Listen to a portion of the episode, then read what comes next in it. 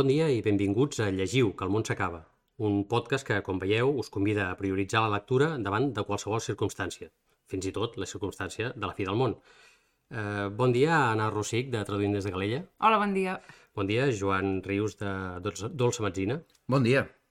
I bon dia, Laia Bonjoc, Bon Hunter. Bon dia. I jo, que sóc en Sergi Porcet, i bé, us deixarem totes les nostres xarxes a la descripció per no repetir-nos, però avui us volem anunciar doncs, que tenim xarxes pròpies d'aquest podcast i ens podeu trobar tant a Instagram com a Twitter amb l'usuari arroba llegiu QEMS, eh, que és de llegiu que el món s'acaba. També us el deixarem a la descripció perquè us sigui fàcil de trobar-nos. Eh, Laia, explica'ns on som avui perquè a mi em fa especial il·lusió. Bé, doncs avui som a la llibreria Ona, al número 94 del carrer Pau Claris de Barcelona. Si aquestes alçades algú no coneix la llibreria Ona de Pau Claris o no hi ha estat, ara és el moment de que heu de treure l'agenda i fixar un dia per venir-hi a fer una passejada i, com no, a comprar llibres, perquè estem segurs de que no us deixarà indiferents. Nosaltres, de manera individual i també de manera col·lectiva, eh, donem molta importància a la llengua catalana, a fer-la servir, a donar-li visibilitat i a donar suport a les editorials que publiquen en català. I cap dels saraus aquests que muntem, ja sigui a Instagram, YouTube o ara també en aquest podcast, doncs no concebem fer-ho en una altra llengua. I és per això que ens sembla tan increïble estar gravant en un lloc com la llibreria Ona, que té un fons només en llengua catalana.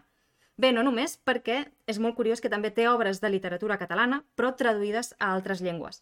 A més, també promou activitats culturals, té una sala infantil meravellosa, la Petitona, i en definitiva doncs, és un indret que val molt la pena. Des d'aquí els hi volem donar les gràcies per cedir-nos un raconet aquí a la Boqueria i per apostar pels projectes literaris i culturals en la nostra llengua. Doncs sí, com diu la Laia, estem molt agraïts perquè l'Ona ens hagi deixat eh, aquest espai, perquè entre altres coses, moltíssimes coses que es fan aquí, eh, aquí s'hi grava, per exemple, un dels podcasts literaris en català més coneguts, que és l'Illa de Mayans, per tant, doncs, eh, avui ens sentim uns privilegiats de ser aquí. I bé, per començar una mica amb el tema d'avui, eh, no sé vosaltres, però jo em vaig sentir molt emocionat eh, quan vam publicar el nostre primer episodi, ara fa un mes més o menys. I realment de seguida vam començar a rebre felicitacions, missatges de suport per totes bandes, ens van compartir molt el, el post i van, ens van fer tuits, eh, reposts a Instagram, a tot arreu. I bé, com ho veu viure això vosaltres? Home, jo bastant emocionada, la veritat, i com sempre que inicies un projecte nou, no? i penses a veure com serà la rebuda, què en pensarà la gent, uh, si els agradarà, si no... I la veritat és que això que diu Sergi, l'acollida va ser molt bona i de seguida vam tenir ganes de ja dir tornem a buscar un altre dia per gravar el segon programa. Molt emocionant, la veritat, i molt contenta. Sí, sí, la veritat és que jo també estic molt content perquè al final eh, al final ho fem per això, no? per, per interactuar amb la gent, perquè la gent ens digui què, què en pensa i per acabar parlant de llibres. Si això serveix per parlar de llibres amb molta gent que, que ens escolta i que agafa idees de lectura o el que sigui del, dels nostres podcasts, doncs endavant. Ja estem, estem per això. Doncs com dèiem, això va ser molt, molt emocionant i fins i tot diria que aclaparador. I bé, que des d'aquí volem donar les gràcies a tothom que, que ens va escoltar, que ens va fer comentaris, que ens va fer arribar el seu feedback, perquè en definitiva això és el que ens pot ajudar a millorar els nostres continguts. I bé, moltes gràcies també per haver escoltat una xapa de 50 minuts que, que vam fer ja el primer dia, així que no sé què podem esperar d'aquest segon episodi. Episodi estàndard perquè, com sabeu, eh, vam penjar un altre format d'episodi que és entrevistes, que eh, l'anirem fent si, si tot va bé. I bé, que és molt meritori que ens escoltéssiu durant tant de temps i, i noies, no sé, però si això no és amor, el que vam rebre, jo ja no sé què, què, què pot ser-ho. Llavors, per això, avui eh, havíem pensat de dedicar al nostre podcast d'avui a aquest gran tema, a l'amor, per totes les mostres d'efecte que vam rebre i també perquè ara fa poc va ser Sant Jordi, que no deixa de ser la gran festa de l'amor a casa nostra, doncs, eh, bé, que per cert aquest any va ser una mica passat per aigua, mm doncs eh, prepareu-vos perquè això avui serà Llegiu que ve l'amor. Juranies que viu, que ve l'amor, que ve l'amor, que ve l'amor, sonant com un exèrcit de timbals. Bé, Joan, què, què et semblaria començar tu avui, que ets el romàntic del grup? Home, no sé si romàntic és el, és el, el títol que, que a mi m'escauria més, però el, el, em sembla bé començar. Estaves parlant del, del Sant Jordi passat per aigua que vam tenir, jo us porto una història d'amor també una mica passada per aigua, encara que sigui metafòricament només. Um, jo us, us parlaré d'un llibre que ara us presentaré una mica. Jo, quins records associeu a l'amor? Perquè és una pregunta que, que és important perquè a vegades un té la sensació que l'amor és, és una me- mescla d'instant i de records, no? I al final un es troba sol amb, amb aquesta memòria que va aconseguir, va aconseguint fer-se de les seves pròpies històries i, I això és una mica el que ens trobem en el llibre que us porto avui d'un autor que es diu Mikhail Kuzmin, eh, que tenia una memòria i una imaginació impressionants i que va ser un poeta eh, molt important de la anomenada Edat de Plata de la literatura russa, que per entendre'ns va més o menys des del 1890 al 1930, i eh, va escriure un llibre que es titula Un peix esquerda, esquerda al gel. Un peix esquerda al gel que està en una edició mm, meravellosa que van fer els, de, els companys de Blind Books, que jo diria que és una, és una editorial que ha desaparegut, els he intentat buscar últimament, però no, no sembla que donguin senyals de vida, però l'edició és realment eh, meravellosa, és una edició amb, amb il·lustracions de Lluís Gai i una traducció d'Arnau Barios, juntament amb el seu pròleg, que també ens explica una mica doncs, la vida de Cosmin. Cosmin era, era un poeta mm, bastant curiós, perquè va ser, el- va ser el, el que primer va escriure una novel·la amb, amb temàtica homoròtica a, a la Rússia prerevolucionària. Després va, va publicar també eh, molta poesia en vers lliure, que no era una cosa que, que s'acabés portant i que després es va, es va estendre molt. I, i és, o sigui, poèticament era un, era un home molt, molt original, amb una vida també bastant atrafegada, um, i en aquest, en aquest llibre ell, eh, d'alguna manera, pa, ens parla de l'amor i fa servir aquesta metàfora que a mi em va semblar molt plàstica, que és la del peix que es queda del gel. Ell eh, comença el llibre, diguem-ne, amb, ja amb aquesta metàfora, el peix seria com... Tampoc vull reduir la, les possibilitats de lectura de la metàfora, però el peix seria com aquest desig, aquest atzar que pot fer néixer, com, com pot fer cristal·litzar alguna cosa entre, entre dues persones i que, i que diguem-ne, s'enfronta doncs, a tota aquesta quietud, aquest gebre que a vegades doncs, es posa sobre la vida. No? Seria aquesta capa de gel que cobreix les aigües eh, canviants, con contínuament canviants del riu, es va cobrint per aquesta capa de gebre que el peix, el desig, ha d'anar picant per, per aconseguir trencar. I una mica l'atzar aquest d'un peix aconseguit es, escardar el gel és l'atzar que dona retorna vida i canvi a tota aquesta quietud que a vegades doncs, és una mica angoixant fins i tot. I la veritat és que el, el, el poemari el que fa és travessar, diguem-ne, els records de Cosmin i d'alguna història de... bueno, de Cosmin, del, del personatge protagonista del poemari, no sabrem fins a quin punt hi ha correspondència, i va, va, va resseguint com els records que té d'una història d'amor. La història al principi és, com sempre, molt, molt tumultuosa, molt, molt, molt bèstia al principi, però després la cosa es va com difuminant. I nosaltres anem seguint aquest, aquest trajecte. M'agradaria llegir alguns fragments del poemari, per exemple, al principi. El, el poemari diu El riu li ve de gust al gel. El cel d'hivern fa de mestre. Fràgils collarets de glaç dringuen com un llaüt. Truita de riu, tu pica fort. Ja estàs cansada de veure un sol com d'aigua marina. És com molt potent aquesta, aquesta metàfora que fa servir. Al principi, eh, el poeta ens parla d'uns records que li venen a la ment i que no té, no té, més, no té, més, mm, no té més eh, remei que seguir, no? I llavors estructura el llibre en 12 topades, una per cada mes de l'any, i aquestes topades són les topades una mica del, del, entre ell i el seu amant i també del peix que va intentant escardar el gel. A la primera topada tot és, tot és eh, molt, molt, molt intuïtiu, molt explosiu, sí? ell, ell escriu lliurar-se, llinda del més alt voler, última por, felicitat completa, país tot verd darrere un baf de blau. Fa servir una mica també, eh, la, la metàfora del peix no és l'única que fa servir. Per exemple, aquesta de hi ha un país tot verd darrere un, un baf de blau. Sempre hi ha com aquesta, aquest joc de, de el verd es troba darrere de totes aquestes capes de, de gebre i de blau que hi ha, que hi ha just al davant i que ens impedeixen doncs, fruir-ne completament, sí? Després eh, la cosa es va accelerant, hi ha un, un poema que parla que estan en un bar i inclús es juren fidelitat tallant-se la mà, una cosa molt, molt bèstia, molt abrandada, sí, sí. És, és un poemari molt, molt, molt, molt hardcore en aquest sentit. Però després, clar, quan tu estàs llegint això dius, hòstia, serà una cosa així molt melíflua, molt, molt melífluament mm, simbolista, per dir-ho així, no? Ens vendrà la, la metàfora aquesta i haurem d'empassar-nos tota la, totes les tonelades de sucre i dius, hòstia, fa una mica de mandra. Però després vas, vas veient com la cosa es va, va rebaixant el to. El següent poema, després de, de la, la següent topada, després del, del bar aquest, ens diu Cosmin, tot això del bar se'n va fer exageradet, com si parodiéssim un crim. Sí? I, i el, aquest poema l'acaba Tal com el sol de primavera desfà el brodat de neu pel mig, així la joventut primera fuig per les vies del capritx. Sigui, la cosa va rebaixant una mica el to.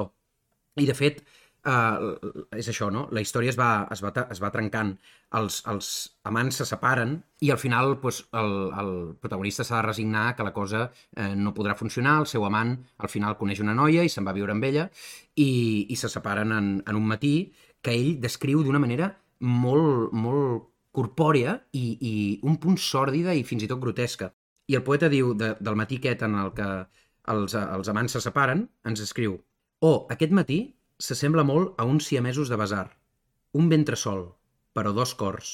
Dos caps, però una esquena sola.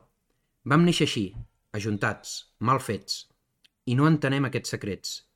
Si ho contes tal com és, té un aire com de raresa de firaire. Aquesta, aquesta descripció del, del matí com un siamès em sembla molt bèstia. El poeta resigna i accepta que, que haurà de viure separat i, i fins i tot diu en un moment tinc vida de persones que viuen lluny, avorrida i higiènica. És una cosa que aquí ja estem lluny de la malifluïtat del principi, aquí ja estem en, en un to més, més aviat de desengany. Eh, és com el que deia el, el Roger Pelaz l'altre dia al Twitter, no? Uh, començament, nus i desengany. Sí? I a- aquest punt, aquest punt és una mica així, no? Ben trobat, sí. Sí, sí, i, i la veritat és que la cosa va, va, va agafant aquest toc de tristor. Fins i tot, un cop l'amor desapareix, hi ha aquest punt de que les coses comencen a perdre les seves veus. L'amor té aquest punt que impregna les coses i de, de sobte coses tan, tan molt quotidianes i molt normals eh, ens, ens semblen que tenen que estan com juntes, que, que, que s'impregnen del sentit que nosaltres donem a la vida de sobte, no? I clar, quan l'amor desapareix, aquestes coses es queden silencioses i un té aquesta sensació de sentir-se sol entre totes aquestes làpides eh, que t'envolten, saps? I ell ho diu d'una manera que a mi m'agrada molt, diu no falta gaire perquè em quedi sec, perquè la rosa es torni rosa, el cel es torni cel i prou. Llavors sóc cendra i em torno cendra. En mi n'ha assecat la sang, la fel, la limfa i el cervell. Déu meu, no hi ha intercanvi ni reforç. Estic voltat de vidre i pico igual que un peix. Ara ja ni tan sols és un riu. El peix pica dintre d'una peixera coberta per un vidre, eh, per un vidre blau. Al final, els últims poemes són francament desoladors. Hi ha un moment que ell decideix buscar l'atzar aquest que no troba la seva vida, que s'ha quedat totalment eh, gebrada, el decideix buscar als casinos, que és el temple de la- l'atzar, que li en diu ell.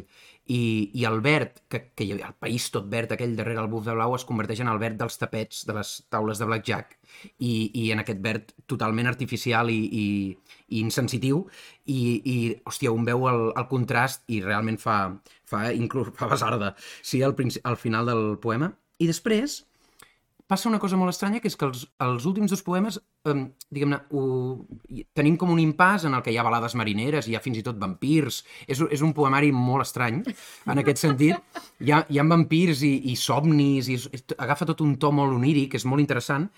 I al final, els dos últims poemes, hi ha com una recuperació de la història, no? I de sobte, l'últim poema fins i tot acaba amb un cant a l'any nou i sembla que hagi d'acabar bé i tots acaben reunits. Però, clar, una vista el, el to de degradació eh, paulatí dels altres, eh, dels altres poemes i un pensa, hòstia, no m'enfio, no, què, què està passant aquí? I, i no, no, és com que no quadra, no? Tanta, tanta la felicitat del final. I al final, l'últim poema, que es diu Conclusió, que sembla una mica que, que Cosmin agafi la veu i ens parla de per què ha fet el seu, el seu poemari, no? I ell ens explica que ell volia fer un, un poemari que cantés els mesos de l'any i que per cada mes de l'any ell tindria com un anecdotari de, de coses amoroses, no? De coses amoroses i lleugeres, ell en diu així. Um, sort que no ho va fer així, sort que ens, que, ens, que es va obrir una mica més i va acabar fent uh, com una mena d'inventari de records um, vehiculat per aquestes, per aquestes uh, metàfores. I al final, tota aquesta història d'amor, que ell, ell fa servir una metàfora per l'amor també en el llibre, que és l'amor és l'àngel de les transformacions.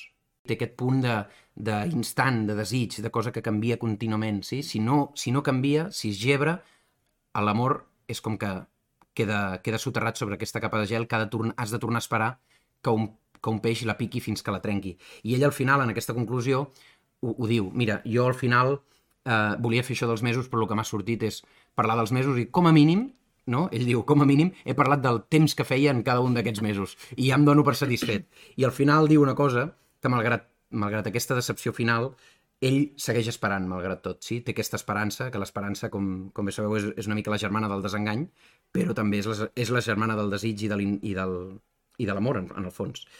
I al final acaba el, acaba el poemari amb dient tinc fe que si una truita persevera prou, serà capaç d'escardar el gel. Res més. I, i m'agrada com, com ho queda, no? Al final hi ha aquest punt de- d'esperança que, no, que no es trenca mai. Hi ha el peix que segueix picant. Segueix picant. Segueix picant. Oh, ha passat per semblat- totes les fases, eh, realment. M'ha semblat increïble. He fet un resumet, sí. No sé si vosaltres teniu alguna, alguna anècdota així de- d'amor que hagueu llegit en algun llibre o alguna, o alguna pel·lícula o alguna cosa així que també us hagi commogut. Mm, bueno, ara hi pensava, i més que metàfora, que és que crec que no és una metàfora, és directament un llibre en què l'amor és bastant explícit uh, com a tema, i és un llibre que he llegit fa poc, que és Ramona Adeu, de Montserrat Roig, que és el primer llibre que he llegit d'aquesta autora. Jo estava molt nerviosa pensant, i si no m'agrada, tenia bastantes expectatives per Sí. l'autora, i m'ha agradat molt, la veritat, i bé, això que l'amor hi té un paper important, per qui no ho sàpiga, ens parla de tres dones d'una mateixa família que es diuen Ramona, que són una àvia, una mare i una filla, i clar, cada protagonista està ubicada en un moment històric diferent de la ciutat de Barcelona i el barri de Gràcia, i en tots tres contextos hi ha molta importància del moment polític i social que es viu a la ciutat, però en, també los, totes tres protagonistes la seva relació amorosa o de matrimoni o amb els nois del seu entorn, la filla, per exemple, va a la universitat i està molt posada en els sindicats i els companys de, de la universitat, doncs totes tres veus com l'amor està sempre al voltant de la seva vida en aquell moment i amb contextos molt diferents, però a mi m'ha agradat molt, la veritat. Un llibre d'amor, però que no se fa xuc o no Sí, és sí. molt endolçat. Està- M'ha agradat molt. És important que no hi hagi aquestes Sí, tonades sí, de sucre que tot perquè- fan, fan venir càries Sí. mentals. No, no, aquest està molt bé. Jo, Joan, mira, més que una anècdota, la veritat és que volia dir-te que m'he quedat sorprès, fins i tot potser un puntet decebut, perquè no per la teva intervenció, que com sempre ha estat fantàstica, però pa, parlant, o sigui, pensant en el tema que, que, que, que tocàvem avui, jo m'havia imaginat que ens parlaries de Dostoyevsky, Ah. que és un dels teus autors eh, preferits, diguem, o que sempre bueno, que ets gran coneixedor de, de la seva obra. Bueno, no, no sé si tant, però sí, sí, Bon, força, l'he llegit sabem, bastant. sabem Sí. que l'has llegit i, i bé, em va venir al cap que potser et vindria de gust parlar de Nits Blanques, que és un, Ai, sí. és un llibre de- d'humor molt abrandat. Allà, allà hi ha més que tonelada, no sé què és... Hi ha algú que sigui... Hi ha alguna unitat que sigui superior a tonelada? Uh, perquè jo suposo que l'hauríem de reservar per nits blanques, eh? Perquè allà hi ha... Hosti, um, a tu et va agradar, Sergi, nits blanques? Bé, em va costar una mica tanta intensitat. He de dir que molt, molt intens. Sí, I al sí, final és, sembla, sembla massa, tot massa. tot massa, eh? A mi em va passar més o menys el mateix. A mi Nits Blanques em va semblar excessivament intens i hi ha un abrandament allà que a mi no... em costa una miqueta. I el personatge em semblava molt, molt... A veure, el Dostoyevsky té personatges trets de polleguera, però és que aquell em semblava especialment odiós, no sé per què. Hosti, no, no hi vaig acabar de connectar. Jo, jo la història d'amor que m'ha agradat molt últimament és Pobres. La novel·la Pobres que ha editat uh, Cal Carrer. Uh, no, no és una història d'amor que es consumi realment, perquè és, és una història d'amor entre el Makar de Bushkin, que és un home molt gran ja, i la Bàrbara Alexeyevna, crec recordar, els noms de les novel·les russes ja sabem que a vegades un expert una mica entre aquest uh, laberint de, de diminutius i de coses així. I el tema és que la història no, no s'acaba de consumar d'amor, perquè és una, història, és una novel·la epistolar, al final, no? ells realment tu no veus trobades entre ells. Però és una història d'amor que, mm, potser pel fet de no consumar-se, em semblava com més, més, uh, més equilibrada, més... No sé, em va, em va agradar molt més la manera subtil com es va desenvolupant. Tu mai saps exactament si el Macar està enamorat o no, si té més esperances de les que mostra o no... I en canvi a mi allò de l'abrandament i anar a ponts i pensar en tirar-se de dalt de baix i... Hosti, a mi això em... em... No, Convin... Resum. Convindrem que més equilibrat que Nits Blanques no era difícil, tampoc. Sí. Però bé, és normal. A mi m'ha recordat, eh, amb això que parlàveu de la intensitat, que jo no l'he llegit, però en Sergi, quan em parlava, Anaïs Nin, que també deies que era intensa com una mala cosa, intens, no? intens. Bé, difícil eh, competir amb tanta explosió d'amor, eh? i més amb un gènere com, com la poesia, com ens ha portat el Joan. Així que a mi em vindria, a parlar, em vindria de gust parlar doncs, d'altres tipus d'amor, per rebaixar-ho tot una mica. I bé, en un podcast literari, si hi ha alguna cosa que pot competir amb l'amor romàntic, jo m'atreviria a dir que potser és l'amor als llibres, a les llibreries i a la literatura. I començaré parlant doncs, de com la literatura ha parlat de llibreries no només com llocs de venda i de préstec de llibres, sinó com a epicentres culturals i com a punts de trobada. I hi ha dos llibres doncs, que jo, després d'haver-los llegit, m'ha semblat que estan molt relacionats perquè parlen de dos llibreries molt mítiques que, malgrat que estan bastant distanciades a nivell geogràfic i també doncs, cultural, es van trobar problemes similars. Un l'he llegit fa poquet i l'altre doncs, el vaig llegir ja fa uns anys, però bé, els llibres no, no passen mai de moda. El primer que us porto és La llibretera de París, de Kerry Maher, amb traducció d'Eduard Sepúlveda, que ha publicat Navona, i és la història de com Sylvia Beach, una nord-americana, a, a finals de la Primera Guerra Mundial, se'n va anar cap al barri llatí de París i va obrir una llibreria que és la Shakespeare and Company, que segurament tots coneixereu o us sonarà. I ja no només perquè parla d'aquesta llibreria, sinó perquè, a més, Sylvia Beach també va, va fer els seus pinitos com a, com a editora, perquè va ser la primera que es va atrevir a publicar l'Ulisses de Joyce, que en aquell moment estava prohibit als Estats Units, eh, se'l considerava indecent, fins i tot el van catalogar que era pornografia, no? I quina gràcia té la Shakespeare and Company? Doncs que a més de ser uh, una llibreria molt reconeguda en aquell moment també, doncs va ser un punt de trobada de grans autors de l'època. I surt Hemingway, i surt Fitzgerald, i surt tota aquella generació perduda. I a més a més la llibreria doncs, també tenia un servei de préstec i també s'hi feien uh, presentacions. Que de fet són cosetes que em sembla que aquí l'Ona també fan una mica, o sigui que Sí. uh, aquest rotllo de que les llibreries són algú més que un lloc on vendre llibres, no? Totalment. Llavors, el, aquest el llibre s'ambienta molt doncs, en aquest període entre guerres, entre la Primera i la Segona Guerra Mundial, i així com a nota, per qui no ho sàpiga, doncs dir que la llibreria actual no està situada al mateix lloc on estava, perquè aquella va tancar a la Segona Guerra Mundial, que actualment doncs, és un indret bastant turístic, però que manté l'essència i que intenta transmetre la història de, de l'establiment original, no? I és un lloc doncs, que no hi he estat, però que m'agradaria estar. I la veritat, no hi hem estat, Sergi, però hi hem d'anar, eh? Bé, és que sí que hi he estat. Uh, Oh! Punyalada, però En secrets aquí. està sortint aquí. Caldrà tornar. I aniré jo, no passa res. Tindrem el nostre primer bif. Aviam si potser algun dia podem gravar un capítol des d'allà. Has vist? Això seria molt Seria- pro, seria molt guapís- pro. Seria guapíssim. Sí, sí. Doncs un altre llibre que a mi també m'ha recordat molt, la llibretera de París, és Les nostres riqueses de Caucer Adimi, amb traducció d'Anna Casasses, que va publicar Edicions del Periscopi l'any 2018. I per què s'assembla tant o m'ha recordat tant a la llibretera? Doncs en aquell cas no tenim una llibretera, sinó que tenim un llibreter, l'Edmond Charlotte, que al G, cap a l'any 36, va decidir obrir a la llibreria Le Vraie Richesse. Llavors, igual que la Sílvia, l'Edmond també va fer els seus pinitos com a editor, perquè en aquell cas és el primer que es va um, aventurar a publicar La revolta d'Astúries d'un llavors encara no gaire conegut Albert Camus, que Ah, doncs hòstia. crec que avui en dia tothom coneix ja Albert Camus, però en aquell Sí. moment encara no era conegut, no? I a més a més, igual que Ulisses, uh, La revolta d'Astúries doncs, també estava prohibit perquè no volien que fos un llibre que donés males idees als, alge als algerians, perquè explicava coses que estaven passant durant la Guerra Civil Espanyola, no? Doncs també té aquest context de, de que el llibre passa en aquesta època bèl·lica de la, primera, de la Guerra Civil Espanyola i la Segona Guerra Mundial, i també hi surten, s'explica el context històric i em va fer gràcia també que s'hi parla de l'escassetat del paper que hi va haver en aquell moment, que a més a més avui en dia doncs, també hi ha una mica de problemes amb el paper a casa nostra, no? O sigui que són dos llibres que, com veieu, jo li vaig trobar molts paral·lelismes i em va agradar doncs, que el protagonisme no és de Joyce i de Camus, sinó que el protagonisme és dels llibreters i les llibreteres, els protagonistes són l'Edmond i la Sílvia, no? I per tant, doncs, aquest amor tornem-hi a, a les llibreries i als llibreters i llibreteres, que és, eh, no, no has de mossegar mai la mà que et dona de llegir, i els llibreters i llibreteres són eh, eh, persones que hem de cuidar moltíssim. Doncs bé, segur que vosaltres coneixeu també altres llibres que parlen de, de llibreries. Jo us en cito només un parell o tres més molt breument, per si voleu més idees.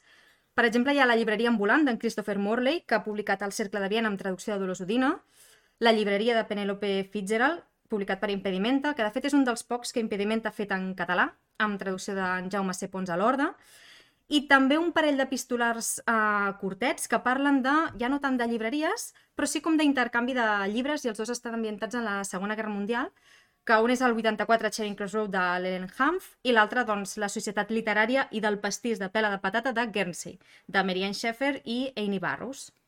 I jo, Laia, si em permets, és que Sí, sí. em va passar una cosa, i és que fa poc em vaig comprar un llibre. O sigui, jo vaig entrar a la llibreria La Memòria de Gràcia, hi havia tota una secció de llibres, crec que era pels vols del dia de les llibreries i així. I tota una secció no, de llibres eh, que parlen de llibreries, que al títol hi ha la paraula llibreria, i això és que jo crec que ens tempta, Ens i, tempta. i sense pensar vaig agafar un llibre i me'l vaig comprar, que és la, la llibreria encantada, i jo tota convençuda, un dia el llegiré, i llavors un dia en Sergi em va dir, Anna, saps que aquest llibre és la segona part d'aquest llibre que has esmentat tu ara de la llibreria ambulant? I no, jo no ho sabia, encara no l'he llegit, però ahir el vaig mirar a casa i dic, sí que ho diu a la sinopsi, que és una... diu, tornen els personatges, però no vaig llegir ni la sinopsi, o sigui, només pel títol. La llibreria encantada, vaig dir, me'l compro. I, eh, saps, aquestes coses que fem impulsivament, com a anècdota. Doncs sí, sí, de fet, a mi em va passar el mateix amb un altre llibre també, o sigui que t'entenc perfectament. Jo, la veritat és que llibres que parlin de llibreries eh, no, no en aconsegueixo pensar en cap, però hi ha un llibre que parla de... Un... És curiós, perquè és, és, un, és un llibre que transmet molt l'amor als llibres, que és, eh, en català seria una, so- una solitud massa sorollosa, um, que és de Bohumil Hrabal, que ara ha editat fa poc eh, Navona, la, la renascuda eh, Navona, ha editat un, un llibre de eh, trens rigorosament vigilats, em sembla que es diu, de Bohumil Hrabal, i aquest llibre em fa molta gràcia perquè és un, és un llibre sobre l'amor als llibres, però és un home que treballa premsant llibres vells i, i fent-ne pasta de paper. Sí? I ell comença, diu, hace 35 años que trabajo con papel viejo y esta es mi love story. Hace 35 años que prenso libros y papel viejo. 35 años que me embadurno con letras. Hasta el punto de parecer una enciclopedia. Una más entre las muchas de las cuales, durante todo este tiempo, habré comprimido alrededor de 30 toneladas. Fa molta gràcia la manera com, com ell parla. Um, per exemple, ell diu que, que és que se'm- s'embadurna dels seus llibres. I, i és que durant estos 35 años me he amalgamado con el mundo que me rodea, porque yo cuando leo, de hecho, no leo, sino que tomo una frase bella en el pico y la chupo como un caramelo, la sorbo como una copita de licor, la saboreo hasta que, como el alcohol, se, disu- se disuelve en mí, la saboreo durante tanto tiempo que acaba no solo penetrando mi cerebro y mi corazón, sino que circula por mis venas hasta las raíces mismas de los vasos sanguíneos. I el tio aquí eh, eh, comença a explicar pues, la seva història. És, és molt interessant, a més hi ha, hi ha un punt d'humor. Diu, per exemple, por regla general, prenso unes dos tonelades por mes de llibres. O sigui, això un tio que estima els llibres. Ha de ser, ha de ser dolorós, eh? Y para tener fuerzas para este bendito trabajo, durante 35 años he bebido tanta cerveza que con ella se podría llenar una piscina olímpica o una buena cantidad de viveros de carpas navideñas. No? que jo, em fa difícil tan sols imaginar-ho. Però és un llibre molt, molt curiós, d'amor als llibres, però al mateix temps amb aquesta ambivalència. Em va fer, m'ha fet gràcia, no sé. Bé, m'esteu deixant sense temes, perquè clar, ja parlem d'amor a les llibreries i als llibres i també s'ha parlat d'amor entre persones. Eh, jo buscant un tema també de no tan ensucrat, eh, com, com comentava la Laia abans, doncs vaig pensar de parlar d'amor a la terra, perquè també es pot tenir amor a la terra, no? Eh, a la pàtria potser, o a l'indret on has nascut, o que t'ha acollit eh, i on has fet la, la teva vida. Llavors, en... jo us vull parlar de tres llibres que són diferents, dos d'ells s'assemblen una mica més, i intentaré no, no fer-ne gaire ressenya perquè, bé, ja n'he parlat abastament, perquè són tres llibres que m'han agradat força, i si els voleu trobar ressenyats, doncs els canals de Book Hunters doncs, els podeu trobar i, i segur que en trobeu moltes ressenyes a les xarxes. I tot i que m'estimo molt la meva terra, mm, me n'aniré lluny. I la, el primer lloc que visitaré doncs, eh, és un lloc on segurament la gent que hi viu eh, també se l'estima molt, però que a dia d'avui està patint molt, que és Ucraïna. I el primer llibre és eh, L'últim amor de Babadúnia, de l'Alina Bronsky, que va publicar en català eh, aleshores i que està traduït per Ramon Ferrés. Eh, aquest llibre està ambientat eh, poc després de l'accident de Txernòbil, el 1986, i bé, mm, és una història molt coneguda, la gent que ja tenim certa edat doncs, eh, va ser molt impactant, ara recentment ha tornat aquesta història eh, amb molta força perquè es va fer una sèrie força coneguda a HBO i, i bé, doncs, la zona del voltant de Txernòbil on hi vivia gent va quedar devastada, era un lloc molt perillós perquè la radiació doncs, es carregava qualsevol cosa que, que hi havia. I bé, doncs aquesta gent que hi vivia i que van ser obligats a marxar i que es van reubicar en altres llocs perquè poguessin seguir les seves vides d'al- d'alguna manera, mm, van decidir en un punt de que els hi era igual com estava la seva terra, eren gent gran, eren gent que tota la vida havien viscut al voltant de, de la central, bueno, un poble probablement a, a Pripyat, tot i que en el llibre s'esmenta un poble així que no acaba de ser real, que és Chernovo, i bé, mm, era una gent que, que d'alguna manera van decidir pel que em queda de vida, jo vull eh, acabar els meus dies a casa meva. És igual que la radiació em pugui provocar malalties, càncer, el que faci falta, però jo vull morir a casa meva, a la meva terra, allà on he conegut i allà mm, on vull que la meva història sigui escrita. I és un llibre que a mi personalment em va agradar molt, és molt entranyable i té un personatge que, que tothom que l'ha llegit penso que li ha quedat a dins, que és la Baba Dúnia, que diguéssim que és la, la primera persona ja anciana que va decidir tornar i una quanta gent més la van seguir. I bé, aquest, aquest llibre és la història d'aquesta gent que s'estima tant la, teva, la seva terra que li és igual el que li pugui passar, que vol acabar els seus dies allà on és casa seva. Un altre llibre que em recordo una mica a, a Baba Dúnia, tot i que té forces diferències, és I del cel van caure tres pomes, de Nariné Abgarian, que ha publicat Com a negre i que està traduït per la Marta Nin. En aquest cas ens desplacem d'Ucraïna fins a Armènia i allà doncs, ens situem en un poblet que és fictici, però que es diu Maran, i, però que podria ser qualsevol poble perdut a les muntanyes d'Armènia. I és un poble que està incomunicat, viuen aïllats i no volen saber gran cosa de, de la ciutat. Llavors, en aquest poble només hi viu gent gran, i hi ha diverses famílies, però totes elles són força grans i tota la gent jove ha marxat, de manera que sembla ser que quan aquesta gent que vagi morint, que és llei de vida, doncs aquest poble acabarà desapareixent perquè no, ningú hi vol viure. Eh, de totes maneres, doncs la gent que hi viu hi estan convençuts i no volen saber res, clar, fins i tot si tenen malalties, doncs els seus fills que ja no viuen allà els, els hi diuen escolta, vine a la ciutat que tindràs metges i no volen saber res. Ells, ells aferrats a la terra perquè com deia abans, és la seva terra, se l'estimen i és igual que malvisquin allà, que hagin de viure del que els hi dona aquesta terra tan erma i dels animals pocs que puguin tenir, perquè no deixa de ser casa seva i allà volen fer, volen fer la seva vida. Bé, és un llibre també, mm, jo n'he parlat molt d'aquest llibre perquè em va sorprendre i em va agradar molt. Eh, té moltes coses, és, hi ha moltes relacions entre els personatges, les famílies, present, passat, i a més fins i tot arriba a tocar el realisme màgic perquè eh, passen diversos esdeveniments que s'escapen, diguéssim, del que seria la mentalitat realista, però bé, un llibre molt complet i molt sorprenent, que més ens permet conèixer una cultura i uns costums com són els armenis, que realment, no sé vosaltres, però jo els desconeixia totalment. I finalment us voldria parlar d'un llibre que aquest sí que és una mica diferent i encara ens anem més lluny, que és De pedra i os, de la Berenguer Cornut, que va publicar en català més llibres i que està traduït per la Marta Marfany. És un llibre que parla dels inuits, que són els mal anomenats esquimals, i bé, aquesta gent ja no és que visquin en una terra que s'estimen, és que viuen a sobre del gel. Viuen tot l'any, pràcticament, a sobre del gel, eh, si tenen sort, a sobre del permagel, per dir una mica de terra, però, però bé, la, la major part de l'any doncs, estan sobre una capa de gel immensa i aquest és el món que coneixen. I s'estranyen de que hi hagi altra gent que pugui viure d'una altra manera. No?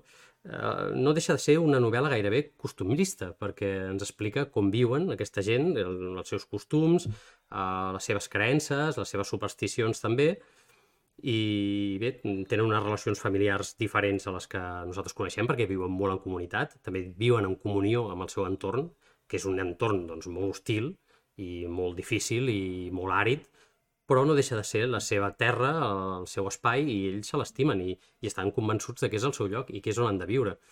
I això doncs, em, va, em va fer pensar de que tots vivim al mateix planeta, però de vegades no ho sembla. Hi ha realitats tan, tan diferents a la nostra que, que ens podrien estar parlant d'un planeta diferent i ens ho podríem creure, perquè jo no m'imagino realment vivint a sobre el gel durant tot l'any, i mira que a mi m'agrada el fred en general, però, però se'm presenta com una realitat mm, bastant complicada. Eh? Llavors, com, com heu vist, doncs, eh, tots tres són llibres que expliquen situacions molt dures, unes vides precàries i miserables, eh, però que bé que et deixen un bon regust de boca, com a llibres, mm -hmm. ens transmeten l'esperança i l'amor, eh, en definitiva, doncs, de moltes maneres diferents. Per descomptat, doncs, aquest amor a la terra que comentava, i bé, em crida l'atenció doncs, eh, això que en, en uns entorns eh, en aparença tan poc acollidors doncs s'hi pugui estar tan arrelat. Eh, no sé si algú de vosaltres eh, se l'ocudeix algun altre llibre o alguna altra història que d'arrelament a la terra i de gent que hi viu convençuda. Doncs sí, a mi ja se m'ha acudit, uh, Sergi, comentar o parlar-vos del llibre Panza de burro, d'Andrea Abreu, un llibre publicat per l'editorial Barrett, que, o sigui, el, el lloc on està situat és Tenerife, un poble rural lluny de la platja, del típic paisatge que t'imagines tu a Tenerife, no? que potser ens ho imaginem molt, turístic. molt turístic, això, i platja, sol i platja, i en canvi aquest llibre està protagonitzat per dues nenes que viuen això a un poble, a la zona rural, molt lluny del mar, no? que elles sempre t'expliquen que veuen el mar, però no hi ha, per anar-hi han d'estar hores amb cotxe, les han de portar, és com un dia molt especial, però en canvi el veuen sempre de lluny. i sí que el, el paisatge i el poble hi té un paper important, però sobretot eh, l'autora, jo he vist entrevistes que ella explica que mm, va voler fer-ho expressament, no? de dir vull fer un llibre eh, en què es parli del Tenerife rural eh, per trencar una mica estereotips i que la gent vegi que Tenerife no només és la platja. I això, i en el llibre es veu molt aquest uh, context, jo crec que és una lectura molt interessant, també per la història que explica de les protagonistes, però en especial ja que parlem de la Terra, doncs això, Tenerife rural. Jo ara hi estava pensant, molt interessant aquestes, aquestes històries que, en, que explicava tant l'Anna com les que has explicat tu. Jo la veritat és que em costa... O sigui, no és exactament amor a la Terra, uh, però podria entrar-hi. Uh, és una pel·lícula, de fet. Uh, es titula Mandarines, i és, bàsicament, el context de la pel·lícula és una guerra que va haver-hi entre... Va haver-hi una... com una província de Geòrgia que es volia independitzar i Rússia, que ja porta molts anys fent de les seves, donava suport als separatistes i el govern georgià doncs, intentava combatre els separatistes i al final es va generar allà un conflicte fronterer eh, molt bèstia i, i la història és d'un estonià que vivia en aquella, en aquella zona i que cultiva mandarines. Uh, bueno, de fet, són uh, dos companys d'Estònia que cu cultiven mandarines allà. I, clar, uh, la guerra ho fa difícil, però ells decideixen que es volen quedar i es volen quedar. La pel·lícula va desenvolupant una mica les raons per les quals ells volen, eh, per, mm, volen quedar-se a, la, a, la terra on han viscut tots aquests anys. I, bàsicament, la cosa, el conflicte de la pel·lícula és que hi ha un moment que hi ha com una espècie de batussa entre les forces georgianes i les forces russes i amb, amb la qual cosa a la casa d'aquest pagès de cultivador de mandarines i acaben, o sigui, acaba allotjant-hi un soldat georgià i un soldat rus. I clar, els dos conviuen a la mateixa casa i aquí genera doncs, tot un seguit de conflictes. Sí, sí que és veritat que al, al final de la pel·lícula em va semblar una mica de... de com si la, la, el director ens enviés el seu telegrama moral, no? I així has de pensar, no? I, així, i, i això és el bo. Però la pel·lícula està bastant bé i, i parla una mica de la, de la voluntat de, de quedar-se a un lloc que saps que et pot costar molt cara, però tu decideixes quedar-t'hi perquè és el teu, per les raons que siguin. Que Clar. això es veu a la pel·lícula. La terra, la terra que tira. Exacte. La Terra i, i sobretot la Terra sempre són... La Terra és la gent. Perquè Sí. jo al final em vull quedar a Catalunya. Per exemple, a mi m'encanta viure a Catalunya, he viscut un temps a l'estranger també, però per què, per què et vols quedar aquí? Perquè aquí és on tens, doncs, per exemple, els, en el meu cas, els meus pares, els meus amics, els, saps? O sigui, la Terra al final és, és la llengua, la gent, els llocs... Bé, Anna, doncs de quin tipus d'amor ens parlaves tu avui? Perquè ja tenim dit uns quants. Doncs em sembla que és uh, bastant evident que jo avui uh, vinc a parlar de l'amor als traductors, uh, aquestes figures que fan que puguem llegir llibres en la nostra llengua, uh, que han estat escrits originalment en idiomes que potser desconeixem, i és que sovint, quan decidim començar a llegir un llibre traduït, ho fem guiant-nos pel títol, per l'autor, eh, potser per una recomanació que ens ha fet algú, però poques vegades ens decantem per llegir un llibre o altre segons qui en sigui el traductor, no? Potser mirem el nom del traductor doncs, per curiositat o com una informació més del llibre, però em sembla que rares vegades en general algú descartarà o triarà un llibre basant-se en qui n'ha fet la traducció, perquè clar, tu al cap i a la fi vols llegir aquell llibre i si només en tens una versió, doncs poca cosa hi pots fer però sí que podem considerar un valor afegit segons qui l'hagi traduït, no? Si és un traductor que ja hem llegit abans i n'hem quedat contents, o bé si no l'hem llegit mai però en tenim bones referències. I ara m'agradaria parlar-vos de dos traductors que jo personalment admiro moltíssim i ja que parlem de l'amor, doncs poèticament podríem dir doncs, que sento amor per ells. El primer nom que us, del que us parlaré és una traductora que no he llegit mai, però que tot i així considero un referent per la professió, i el segon sí que l'he llegit bastant i m'encanta. A veure què us semblen i, i si compartiu l'opinió amb mi. Uh, comencem per Dolors Udina, una gran professional i una traductora amb moltíssima experiència traduint grans noms de la literatura universal, com poden ser Jane Austen, Virginia Woolf o Coetze, entre molts d'altres. Eh, jo, com us deia, diria que encara no he llegit cap llibre traduït per ella, sí que en tinc alguns de comprats, però encara no llegits. I, però bé, estic bastant convençuda que quan ho faci, almenys a nivell de traducció, sé que serà una obra ben feta, i això és perquè és una traductora, doncs, com deia, amb molts anys d'experiència, reconeixements diversos, és un nom que, tot i no haver-ne llegit mai cap traducció, doncs un nom que sona, no? que és, és molt potent dins del gremi, i per tant jo si veig un llibre traduït per ella, per mi és un, un segell d'una mínima garantia de qualitat, no? Doncs la veritat és que Dolors Udina jo sí que n'he llegit uns quants, nosaltres a casa en tenim uns quants, i per exemple, com deies, no? Virginia Woolf, de La senyora Dalloway, mm -hmm. o uh, El quartet estacional de l'Ali Smith, per exemple, són traduïts per, per Dolors Udina. I la veritat és que sí, comparteixo amb tu, eh? això que veure Dolors Udina a la, a la coberta ja dius, anem bé, anem bé. Clar, jo entenc que ella potser, no, quan va començar a traduir, mm, ara ho desconec, eh, però potser agafava tot el que li oferien i ara, en canvi, pot potser triar segons quins autors o prendre's més temps, o ja té més experiència fent la feina. Vull dir que... De fet, uh, un llibre que abans has dit que t'havies comprat sense saber que era una segona part, Dolors Udina. Doncs mira, o sigui que... quan llegeixi la segona part, tot i que primer hauria de llegir la primera, ja m'hauré estrenat. I també, el que deia, tinc llibres comprats no llegits, tinc el llibre de Tardor, d'Ali Smith, a veure si llegeixo aviat. Um, I bé, abans de, passar, abans de passar a parlar de l'altre traductor que us he comentat, m'agradaria recomanar-vos el segon programa del podcast El Punt Volat, en què Dolors Udina va ser la convidada i és una conversa molt interessant en què ens, ens parla molt de la professió i la seva manera de treballar, però també eh, és això una manera de conèixer-la a nivell més personal, parlant també de música i que li agrada i eh, em va semblar una conversa això molt, molt recomanable. I el segon traductor del que m'agradaria parlar avui sí que l'he llegit i m'agrada molt i sé que una altra persona d'aquesta taula també l'ha llegit molt perquè compartim afició i friquisme per un autor i és el traductor Albert Nolla, eh, Sergi? No, no miro ningú. No sé de què em parles. No? Uh, si, si us fixeu sovint en qui tradueix els llibres que llegiu, uh, potser us sona com a traductor de Haruki Murakami, que veia alguns llibres de Murakami que els han traduït altres persones, però de fa uns anys ell sempre és uh, el traductor que se n'encarrega, però també ha traduït altres autors com Natsume Soseki, Junichiro Tanizaki i Banana Yoshimoto. A mi és un traductor que m'encanta com ho fa i realment trobo increïble la capacitat que té per traslladar al català els textos en japonès, o sigui, em sembla una tasca dificilíssima. I sobretot quan llegeixo Murakami perquè és que és un autor que els seus llibres barreja escenaris molt quotidians amb elements de realisme màgic. I jo estic llegint i penso, aviam, l'Albert Nolla ha entès això en japonès, escenes raríssimes que no tenen cap sentit i ha sabut traslladar-les al català de manera que les entenguem perfectament i que tu passis bé llegint aquell llibre.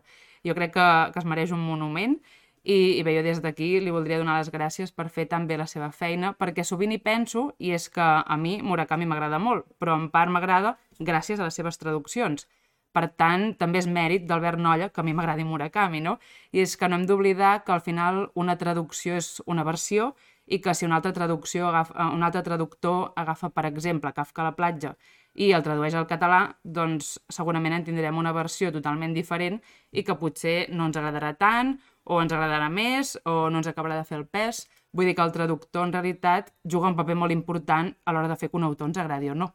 Sí, sí, estic totalment d'acord. De fet, sobre això que estaves dient de la versió, com més original i més, eh, més trencador sigui la, la manera d'escriure de l'escriptor, més, di més difícil és que no, que no hi hagi un punt de joc també per part del traductor, suposo, perquè estic pensant, per exemple, en el llibre aquell de l'Eclipsi, de George Perec, que és un llibre sense la lletra A, uh -huh. uh, en, en, en, en francès no sé si en sense francès la E, és la E sí. uh, i en català és sense la A. Clar, aquell llibre, per exemple, traduir-lo, al final ha de ser una versió, ha de mm. ser un, un, un tornar a jugar al joc per part, en aquest cas, l'Adrià Pujol i Cruells, que, el, que és el traductor, i penso que, no sé, en, en alguns dels autors així, per exemple, Joyce, que ara s'ha reeditat l'Ulisses de Joyce a Proa, amb la traducció de Joaquim Mallafré, doncs eh, són llibres que o jugues una altra vegada o llavors al final estàs llegint versions com, com de pianista, no? com, com qui diu, hi ha la partitura i llavors ell ha d'interpretar-la en, en l'idioma d'arribada, d'acollida. Exacte, o sigui, això, mm, hi ha molts llibres que en català potser només n'hi ha una versió, com deia abans, no? i tu has de llegir aquella versió, però els llibres més clàssics, que potser es van traduir fa uns anys, ara s'estan tornant a traduir, eh, o això, en fan traduccions diverses, també, si t'agrada molt, potser pots dir, eh, mira, provaré de llegir la traducció d'aquest altre traductor, a veure, a veure si t'agrada més o menys, o si hi ha hagut canvis, l'estil, al final això, no? el traductor fa la seva pròpia versió, i, però bé, a mi m'ha vingut de gust destacar aquests dos noms, tot i que Dolors Udina no l'hagi llegit doncs, per la importància que jo crec que té dins del sector de traductors en català, però m'agradaria saber si vosaltres teniu traductors fitxats, no? això que veus el nom del traductor en el llibre i dius, mira, aquest el vull llegir sí o sí, o d'aquest traductor me'n refio, crec que tot el que fa està molt bé, això, que us transmeten unes bones vibracions a la seva feina.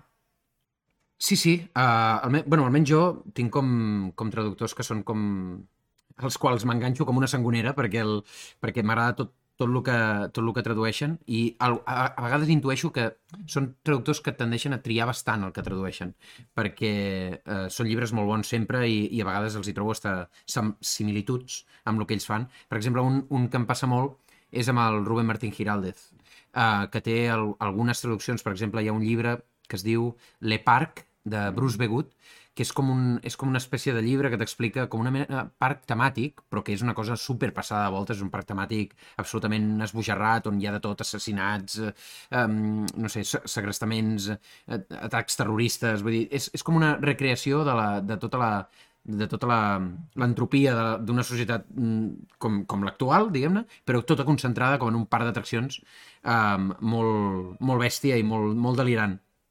I aquest llibre el vaig descobrir perquè jo agafo el Rubén Martí Giraldez, miro què ha traduït i vaig directament a buscar-lo. I en català un altre és el Josep Domènec Ponsatí, que és el traductor de la, de la Clarice Lispector, per exemple, que també és un, un traductor que m'agrada molt com ho fa i que sempre que veig que alguna cosa la tradueix o el que sigui, doncs, en té, per exemple, té un llibre que és, que és, que és molt bo, traduït a, a Des i Ara, que es diu Vides seques. Són, són llibres que he descobert per aquests, eh, per aquests traductors, perquè els vaig com seguint, els hi segueixo la pista. Que xulo. I un, un petit apunt sobre l'Albert Nolla que, que deies abans, que has comentat que aconsegueix fer entendre Murakami mm. passant del, del japonès al català, fins i tot diré, eh, aconsegueix no fer-lo entendre, perquè a vegades Murakami no s'entén o no s'ha d'entendre, però mm, jo vull creure i estic convençudíssim que l'Albert Noia és capaç de transmetre allò que ha intentat expressar Murakami, s'entengui o no, o sigui delirant o no, com fa sempre Murakami, i ens ho transmet perquè en català ho podem captar a la perfecció. I a banda d'ell, que també doncs, un traductor que a mi em- genera molta garantia quan, quan el veig a la coberta, també l'he llegit altres llibres, com per exemple eh, Confessions d'una màscara de Yukio Mishima o eh, La noia de la, la botiga de 24 hores de la Sayaka Murata també, quan veus que està traduït per l'Albert Noia, doncs ja saps que com a mínim no tindràs problemes amb aquest, aquesta traducció del japonès. Eh, doncs m'havia apuntat també per, per destacar tres traductores d'aquestes que per mèrits propis doncs, ja m'han convençut i quan veus el seu nom a la coberta és dir, "Ep, això ja saps que és garantia. Una d'elles és la Blanca Busquets, que ens ha convençut a casa, som molt fans de l'Úrsula K. Le Guin i no sabem si és de l'Úrsula Úrsula K. Le Guin o, o, O de la de, o de la Blanca Clar. Busquets, perquè realment eh, ens consta que les traduccions són treballadíssimes, fins i tot ella ha compartit a xarxes socials de vegades eh, dubtes que tenia de com traduir alguns conceptes concrets de l'Úrsula K. Le Guin i, i realment eh, bueno, són treballs eh, que, que, que, que és un català tan ric que, que ja es veu que, que està buscat fins al detall eh, i transmet tot el que l'autora, que és una autora complexa i amb històries doncs, també molt, molt racionals i això doncs, eh, t'ho transmet molt, molt, molt bé. I llavors, quan veus el nom de Blanca Busquets, que és traductora de l'anglès i també del noruec, el veus en altres llibres, doncs ja saps que eh, aquell llibre, com a mínim, t'arribarà molt. I dues més, una d'elles la Marta Nin, que l'he descobert ara fa poc, eh, en parlava abans amb el llibre aquest de I del cel van caure tres pomes, que ella també va llegir aquell recull de contes de, de Tolstoi, que, que és eh, Quanta terra necessita una persona, i eh, són dos traduccions impecables i, i bé, mm, poder llegir autors russos amb traduccions que t'arriben tant i tant, doncs penso que també és molt meritori i és una, una traductora que, que, que seguiré perquè quan vegi el seu nom a la coberta també ja em cridarà i, i sé que em farà arribar allò que, que els autors volien transmetre. I finalment, eh, un altre clàssic, una traductora que ha traduït la tira de llibres eh, aquí a casa nostra, que és la Marta Pera Cucurell, que ha fet molta cosa, però només perquè és la traductora, o l'última traductora, diguem, de la Daphne du Maurier, mm, per mi ja s'ha guanyat el cel. I, i descobrir-me aquesta autora i fer-ho de la manera que, que ho fa ella, doncs eh, ja fa que l'estimi, com deies tu, Anna, abans, mm, se- sents amor per, per, per aquests autors gràcies a l'amor que hi posen aquests traductors i traductores en la seva feina. I bé, jo, mm, des d'aquí agrair-los a, a, a elles tres, a tots els altres que hem citat, perquè gràcies a, a ells i elles doncs, eh, ens arriben històries eh, tal com nosaltres les podem captar i com les podem interpretar i bé, mm, deixo a, a, a vosaltres a, a enlluar-los perquè realment s'ho mereixen. Doncs mira, Joan, això que has explicat tu que vas seguint els traductors i gràcies a ells descobreixes eh, llibres, jo també tinc una anècdota relacionada amb això i és que fa uns anys per Sant Jordi estava remenant llibres, no en tenia cap mm, d'especialment decidit, i em vaig veure un de traduït per la Maria Rossic, que és una traductora també, que jo crec que és un nom que sona, mm. però jo en aquell moment no la coneixia, però compartim cognom, no? I vaig veure el llibre a la coberta i dic, oh, mira, aquesta traductora es diu Rossic, com jo, tal.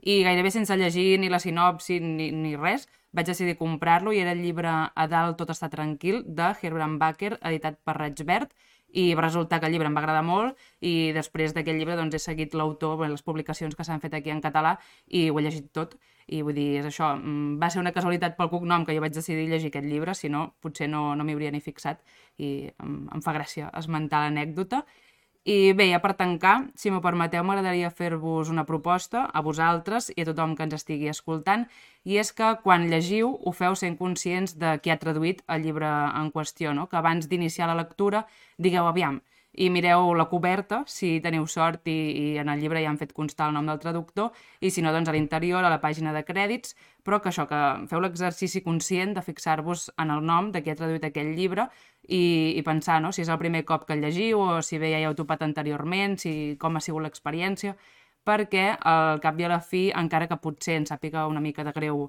ser-ne conscients, que llegim en català és el traductor, no? això que dèiem, no és l'autor realment, és a dir, jo mai he llegit Murakami directament, sinó que he llegit Albert Nolla, Clar. i penso que és interessant ser conscients de què estem llegint i així també doncs, anar fent una espècie d'arxiu de traductors llegits, no? i també doncs, mm. valorar si ens ha agradat o no, com t'ha passat a tu, Joan, que els has anat seguint, o si hem encaixat amb el seu estil, si bé se'ns ha fet més feixuc o menys, i, i bé, ara faré una proposta dins la proposta, i és que, evidentment, doncs, a part de fixar-vos en qui ha traduït el llibre, doncs, quan parleu d'aquest llibre o en feu una ressenya o comentari o el recomaneu, doncs que penseu en, en esmentar el nom del traductor, ja que al final és una persona que ha estat moltes hores treballant amb aquell llibre i que hi ha posat doncs, amor i ganes i amb ganes que el, el missatge de l'autor ens arribés, tal com deia abans en Sergi. Aquí acabo la meva falca. Sí, sí, no, i que es valori sobretot el, el fet de posar el nom del traductor a la portada. Per que no, favor. no totes les, les editorials ho fan, No. però ja cada cop més Mm. tinc la sensació, i això és, és important perquè al final aquest llibre és de l'autor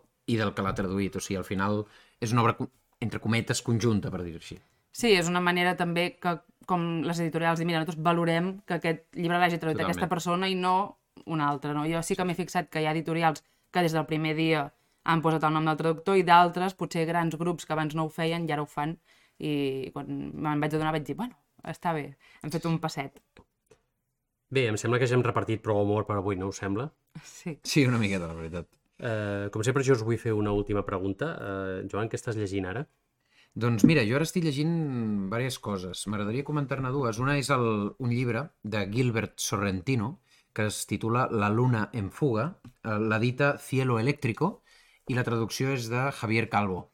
I bàsicament són contes um, fa la sensació que repeteixen alguns motius, com per exemple el, el triangle amorós i, i el, el, les vides d'escriptors així una mica fracassats i una mica mm, de, diguem-ne, com, com seria en català?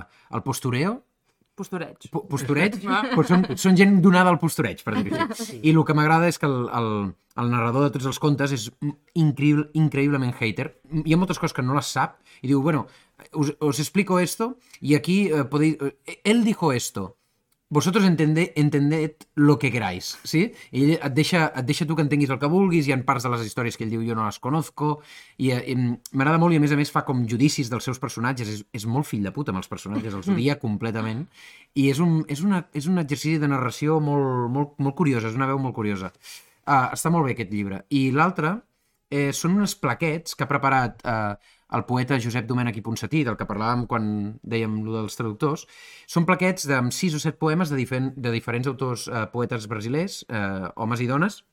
En aquest cas jo porto aquí el d'una dona que m'ha impactat especialment, que es diu eh, Adriane Garcia, no sé si ho dic bé. Uh, la, la plaqueta es titula Alimentar fogueres i té alguns, alguns poemes que fan molta gràcia. N'hi ha un que m'agradaria llegir-vos perquè és com, és com curiós. El, el poema es titula Poètic i diu així I hi ha aquelles paraules poètiques per excel·lència, totes petonejades per colibrís, molls de rosada, al matí imberba, després de l'alba, de la rojor dels núvols, de la puta merda de nit clara, obres la porta, elles entren plenes de cerimònia i s'asseuen, demostrant el fàstic que senten pel teu sofà. Wow. I té, té aquest punt graciós, aquesta noia. Jo no sé si he espatllat una mica el poema, però la veritat és que valen molt, molt la pena aquestes plaquets del Josep Domènech i Ponsatí. Si algú està interessat, que m'enviï DM. déu nhi uh, Anna, Laia, tu què estàs llegint?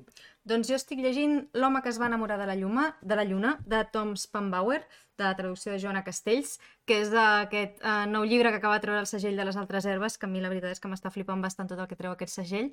O sigui que en això estic. Uh, acabo de començar, o sigui que no em puc dir massa cosa, però té bona pinta. I tu, Anna? Doncs jo estic llegint Quality Land de Marc Uwe Kling, publicat per Periscopi amb traducció de Ramon Ferrés, una distopia en aquest intent meu de llegir una mica ciència-ficció i llibres així una mica diferents. I bé, també n'he llegit poquetes pàgines, però de moment m'està agradant bastant. Un llibre en què els algoritmes uh, són bastant protagonistes. Molt, molt. I tu, Sergi, què? Què llegeixes? Doncs mira, jo he tornat a llegir Elizabeth Strout, eh, aquesta saga de la Lucy Barton, en aquest cas és el Tot és possible, que és el segon llibre de, de, en el qual la Lucy Barton és la protagonista, amb traducció d'Ester Tallada, i també tenia moltes ganes de tornar a aquesta autora. Doncs molt bé, moltes gràcies per escoltar-nos i sobretot per aguantar fins al final, que déu nhi també ens ha tornat a quedar bastant llarg això, però és que quan ens fiquem a xerrar doncs se'ns en va. Esperem que us hagi agradat el programa i perquè l'espera fins al proper no se us faci tan llarga, com us hem dit a l'inici, a la descripció doncs, trobareu les nostres xarxes, tant a nivell individual cadascun de nosaltres, com a les noves xarxes que hem tret d'aquest podcast, que és arroba llegiu QEMS, de que el món s'acaba. I res, fins la propera. Mil gràcies per ser-hi, ens retrobem al proper episodi i mentrestant llegiu que el món s'acaba. thank you